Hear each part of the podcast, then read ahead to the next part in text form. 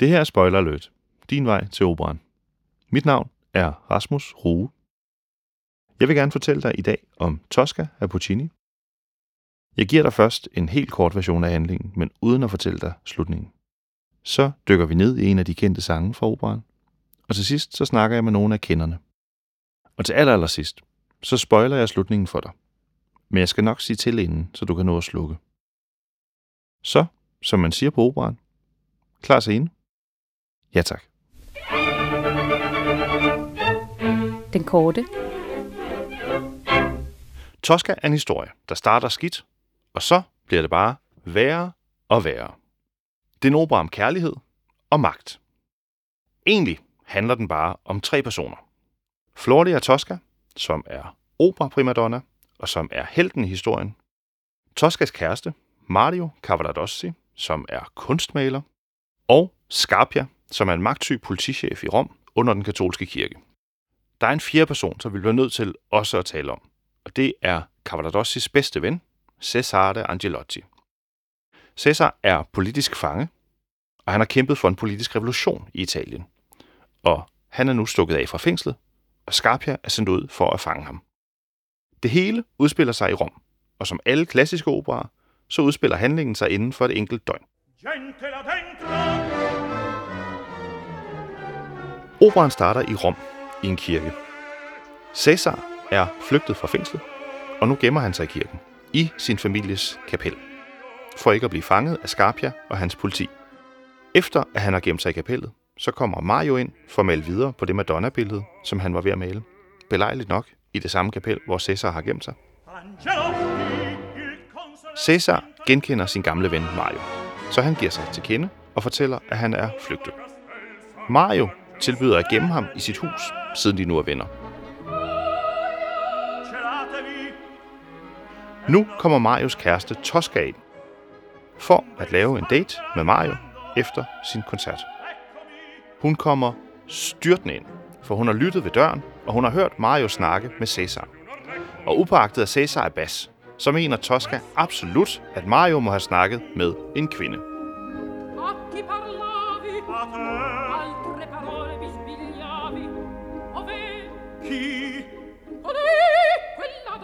Cæsar har heldigvis nået at gemme sig for Tosca, så der er ingen i syne, hverken kvinder eller mænd, udover Mario og Madonnaen på hans billede. Så da Tosca har hisset sig ned over samtalen, så hisser hun sig op over Madonnaen på billedet, fordi hun har lyst hår og blå øjne, og ikke mørkt hår og brune øjne som Tosca. Og Mario er derfor tydeligvis forelsket i en anden kvinde. Mario elsker kun Tosca, så for at berolige hende, lover han hende at male Madonnaens hår mørkt og hendes øjne sorte. Det beroliger Tosca, og da han bekræfter, at de kan ses i aften efter koncerten, så forlader hun endelig tilfreds kirken.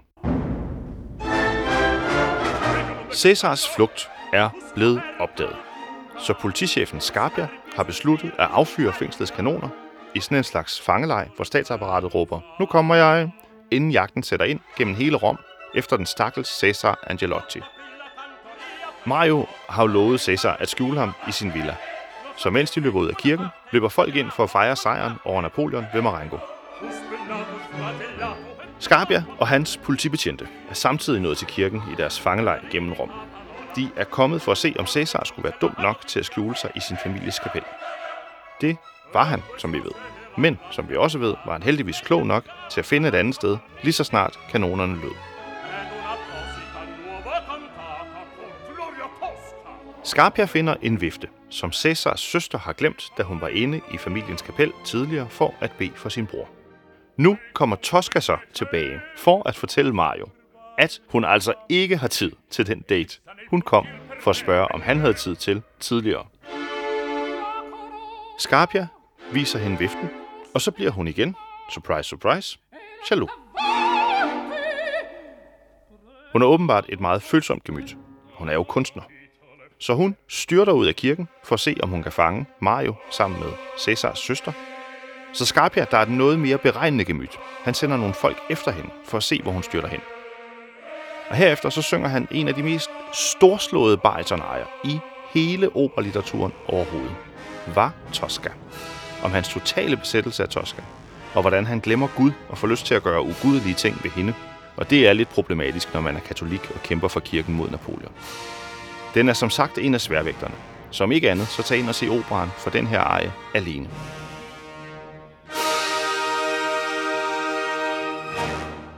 Den næste scene, som også er hele den næste akt, den foregår på Scarpias kontor. Scarpia han sidder for sig selv og spiser middag ved sit skrivebord som en anden bondskurk, mens musikken fra Toscas koncert strømmer ind igennem vinduerne. Det er ikke lykkes at finde Cæsar. Man har fundet Mario, men han nægter at fortælle, hvor Cæsar er. Så man har taget ham med, for i stedet at kunne fortsætte turen i mere uforstyrrede omgivelser. Al.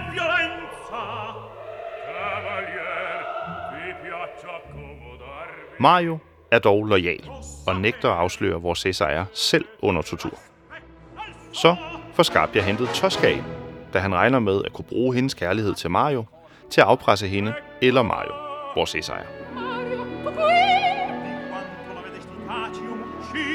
Scarpia starter med at sende Mario ud, for at han kan blive tortureret, og så kan Tosca få lov til at lytte på. Han når dog på vej ud af døren og siger til Tosca, at hun ikke må afsløre noget som helst. Det lover Tosca.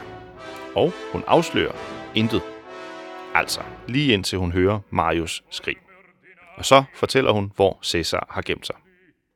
Så kommer en af Scarpias mænd ind for at fortælle, at slaget ved Marengo er vendt, og at Napoleon nu er ved at vinde. Så har Scarpia pludselig travlt med at få Cæsar og Mario ført til fængslet, så de kan blive henrettet hurtigst muligt, og i hvert fald inden Napoleon når til Rom, og revolutionens vinde blæser gennem gaderne. Tosca spørger, hvad der skal til, for at Scarpia vil slippe Mario fri. Scarpia siger, at han vil have hendes krop. Men det er ikke nok for ham at voldtage Tosca. Hun skal selv gå med til det. Scarpia har tydeligvis ikke forstået konceptet samtykke. Det er en af de mest udspekulerede nederdrægtigheder, hvis du spørger mig. Men sådan er det åbenbart at være bondskurk.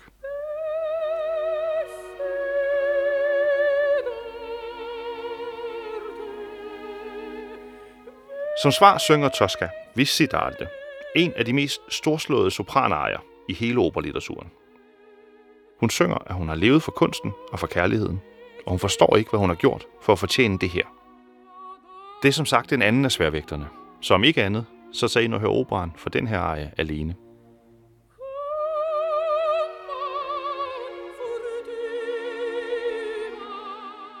Så kommer en anden af Skarpias mænd ind for at fortælle, at Cæsar begik selvmord, inden de fangede ham, så nu kan man altså ikke henrette ham længere. Tosca kan omvendt set heller ikke længere bytte Mario for Cæsar. Så nu går hun med på forslaget om at gå i seng med Scarpia, mod at han lader Mario leve. Scarpia giver derfor ordre til, at Mario skal skydes, men med løst krudt. Derefter så skriver han en passerseddel, så Tosca og Mario kan flygte ud af Rom. Imens han skriver, så finder Tosca en dolk på hans skrivebord. Og efter han har skrevet sedlen, så kommer Scarpia over for at stikke sin dolk i Tosca, som man siger. I stedet ender det med, at hun stikker sin dolk i ham. I bogstaveligste forstand. Det dør han af. Og så slutter anden akt.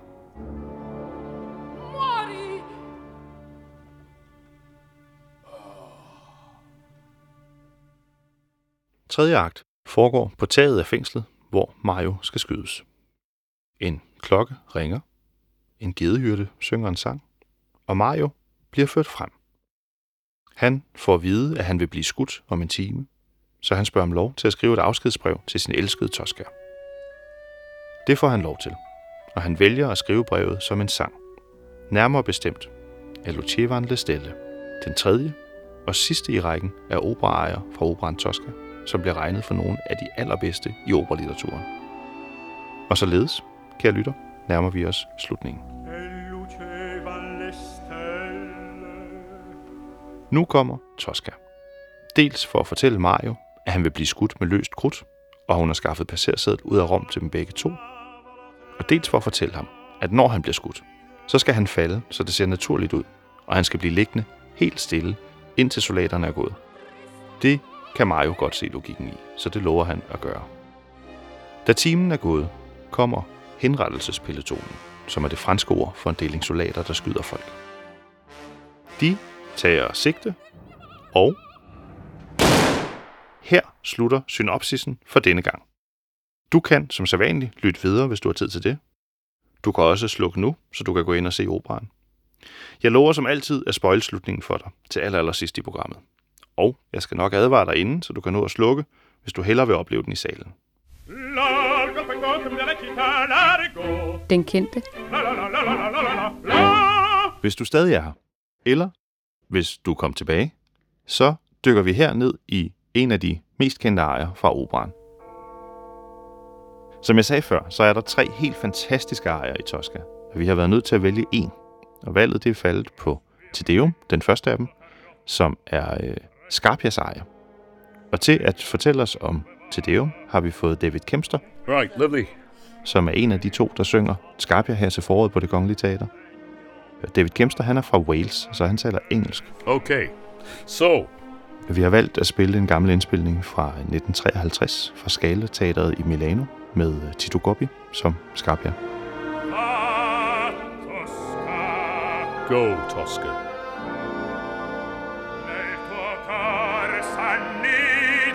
And your heart is nesting, Scarpia.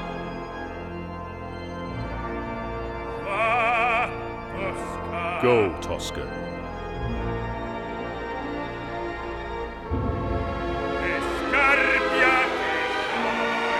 Is Scarpia who releases in flight the falcon of your jealousy.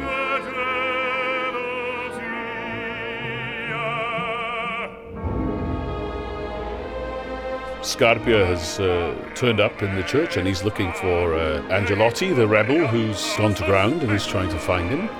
As luck would have it, he runs into Tosca. He's able to plant a couple of seeds uh, of jealousy uh, in Tosca's heart.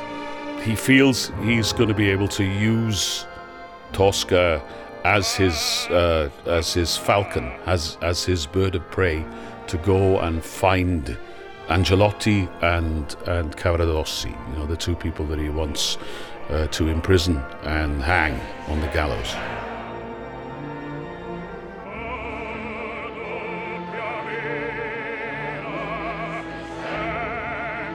A double goal, I aim my desire.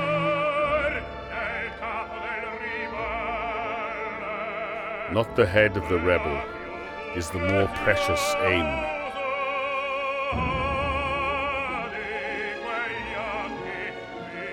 The aim is of those eyes, victorious, to see the flame languish with the spasm of love in my arms.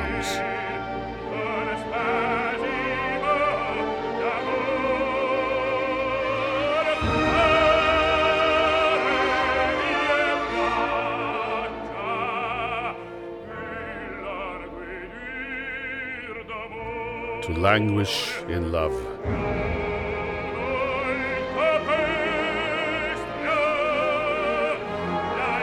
The one to the noose, the other in my arms.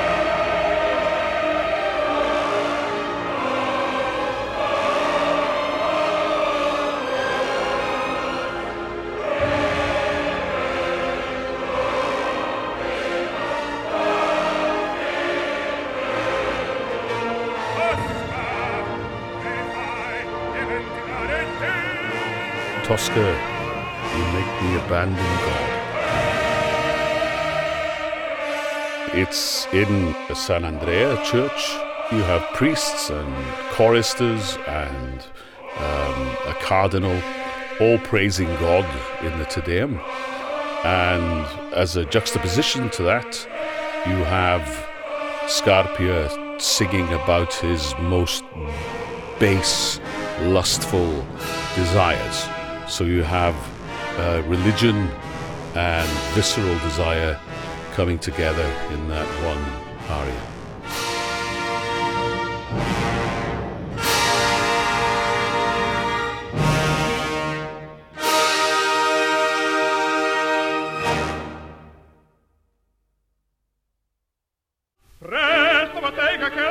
Presto, Although it's very uh, melodramatic, it's a piece that is as relevant as tomorrow's uh, newspapers. Nu er vi nået til kenderne, og det er her, hvor vi forsøger at trække os lidt tilbage og få lidt øh, overblik over Tosca. You know, you uh, you're dealing with political turmoil. You're dealing with uh, corruption, Og til at hjælpe os med det, har vi stadigvæk David Kempster, and you're dealing with uh, love and passion and revenge and murder. It's got it all. You know. og så har vi fået øh, Jon Merkel, som er dirigent, som er fra Tyskland, som er kommet her til København for at dirigere Tosca. I deeply love and admire this piece. Og han har været så venlig at tale engelsk til os, så vi har en chance for at forstå det.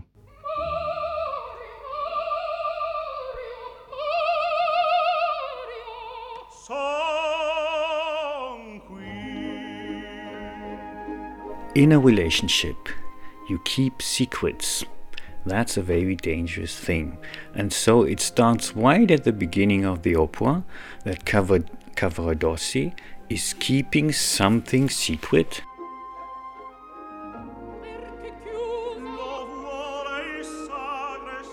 So there starts the misunderstanding and gives the other guy, Scarpia, a chance to interfere in this relationship. And so it adds up all these uh, uh, things which are not being said, but not spoken out, but um, are there and have great consequences later on.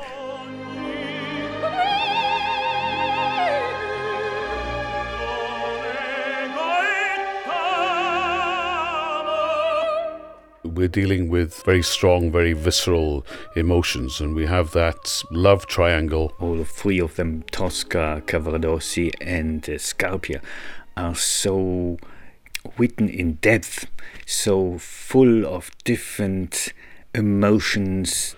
and we have the lubber, the libertarian, the uh, the the Tosca, the, the the jealous but beautiful and and talented uh, heroine, and this vile uh, toad of a person in in Scarpia.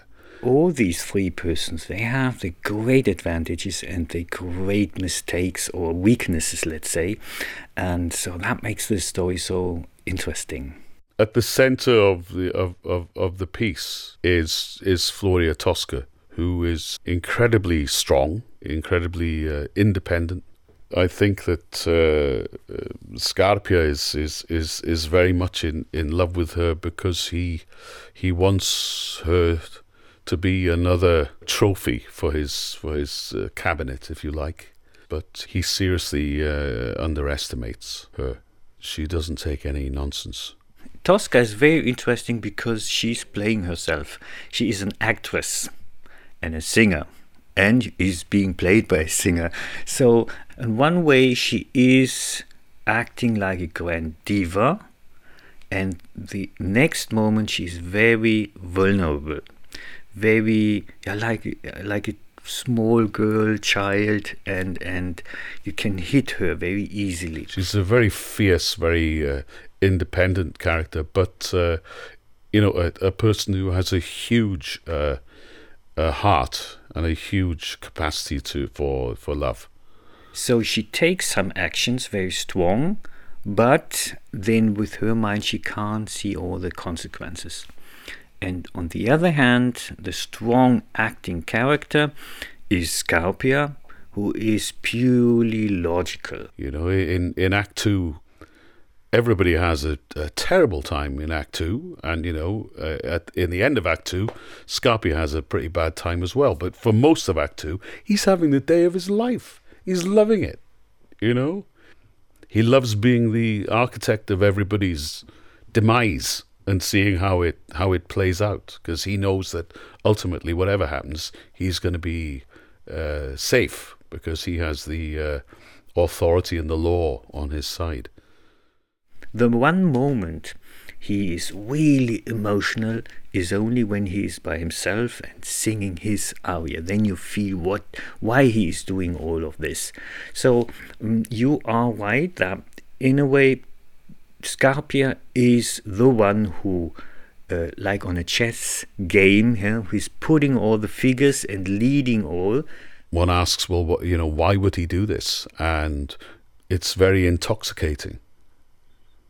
You know the the the, the power that you have over over people. It's it, throughout history and even today. There's people who have been given positions of power who abuse it time and time again.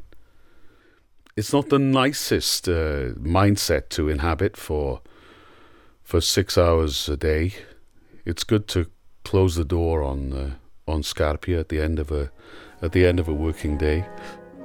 Amaro sol per temere al morire da te In all the Puccini operas, I think in Tosca it's the strongest one for orchestra. Orchestra has to say so much what the singers can't say yet or do not understand. Product.dk-spoiler alert.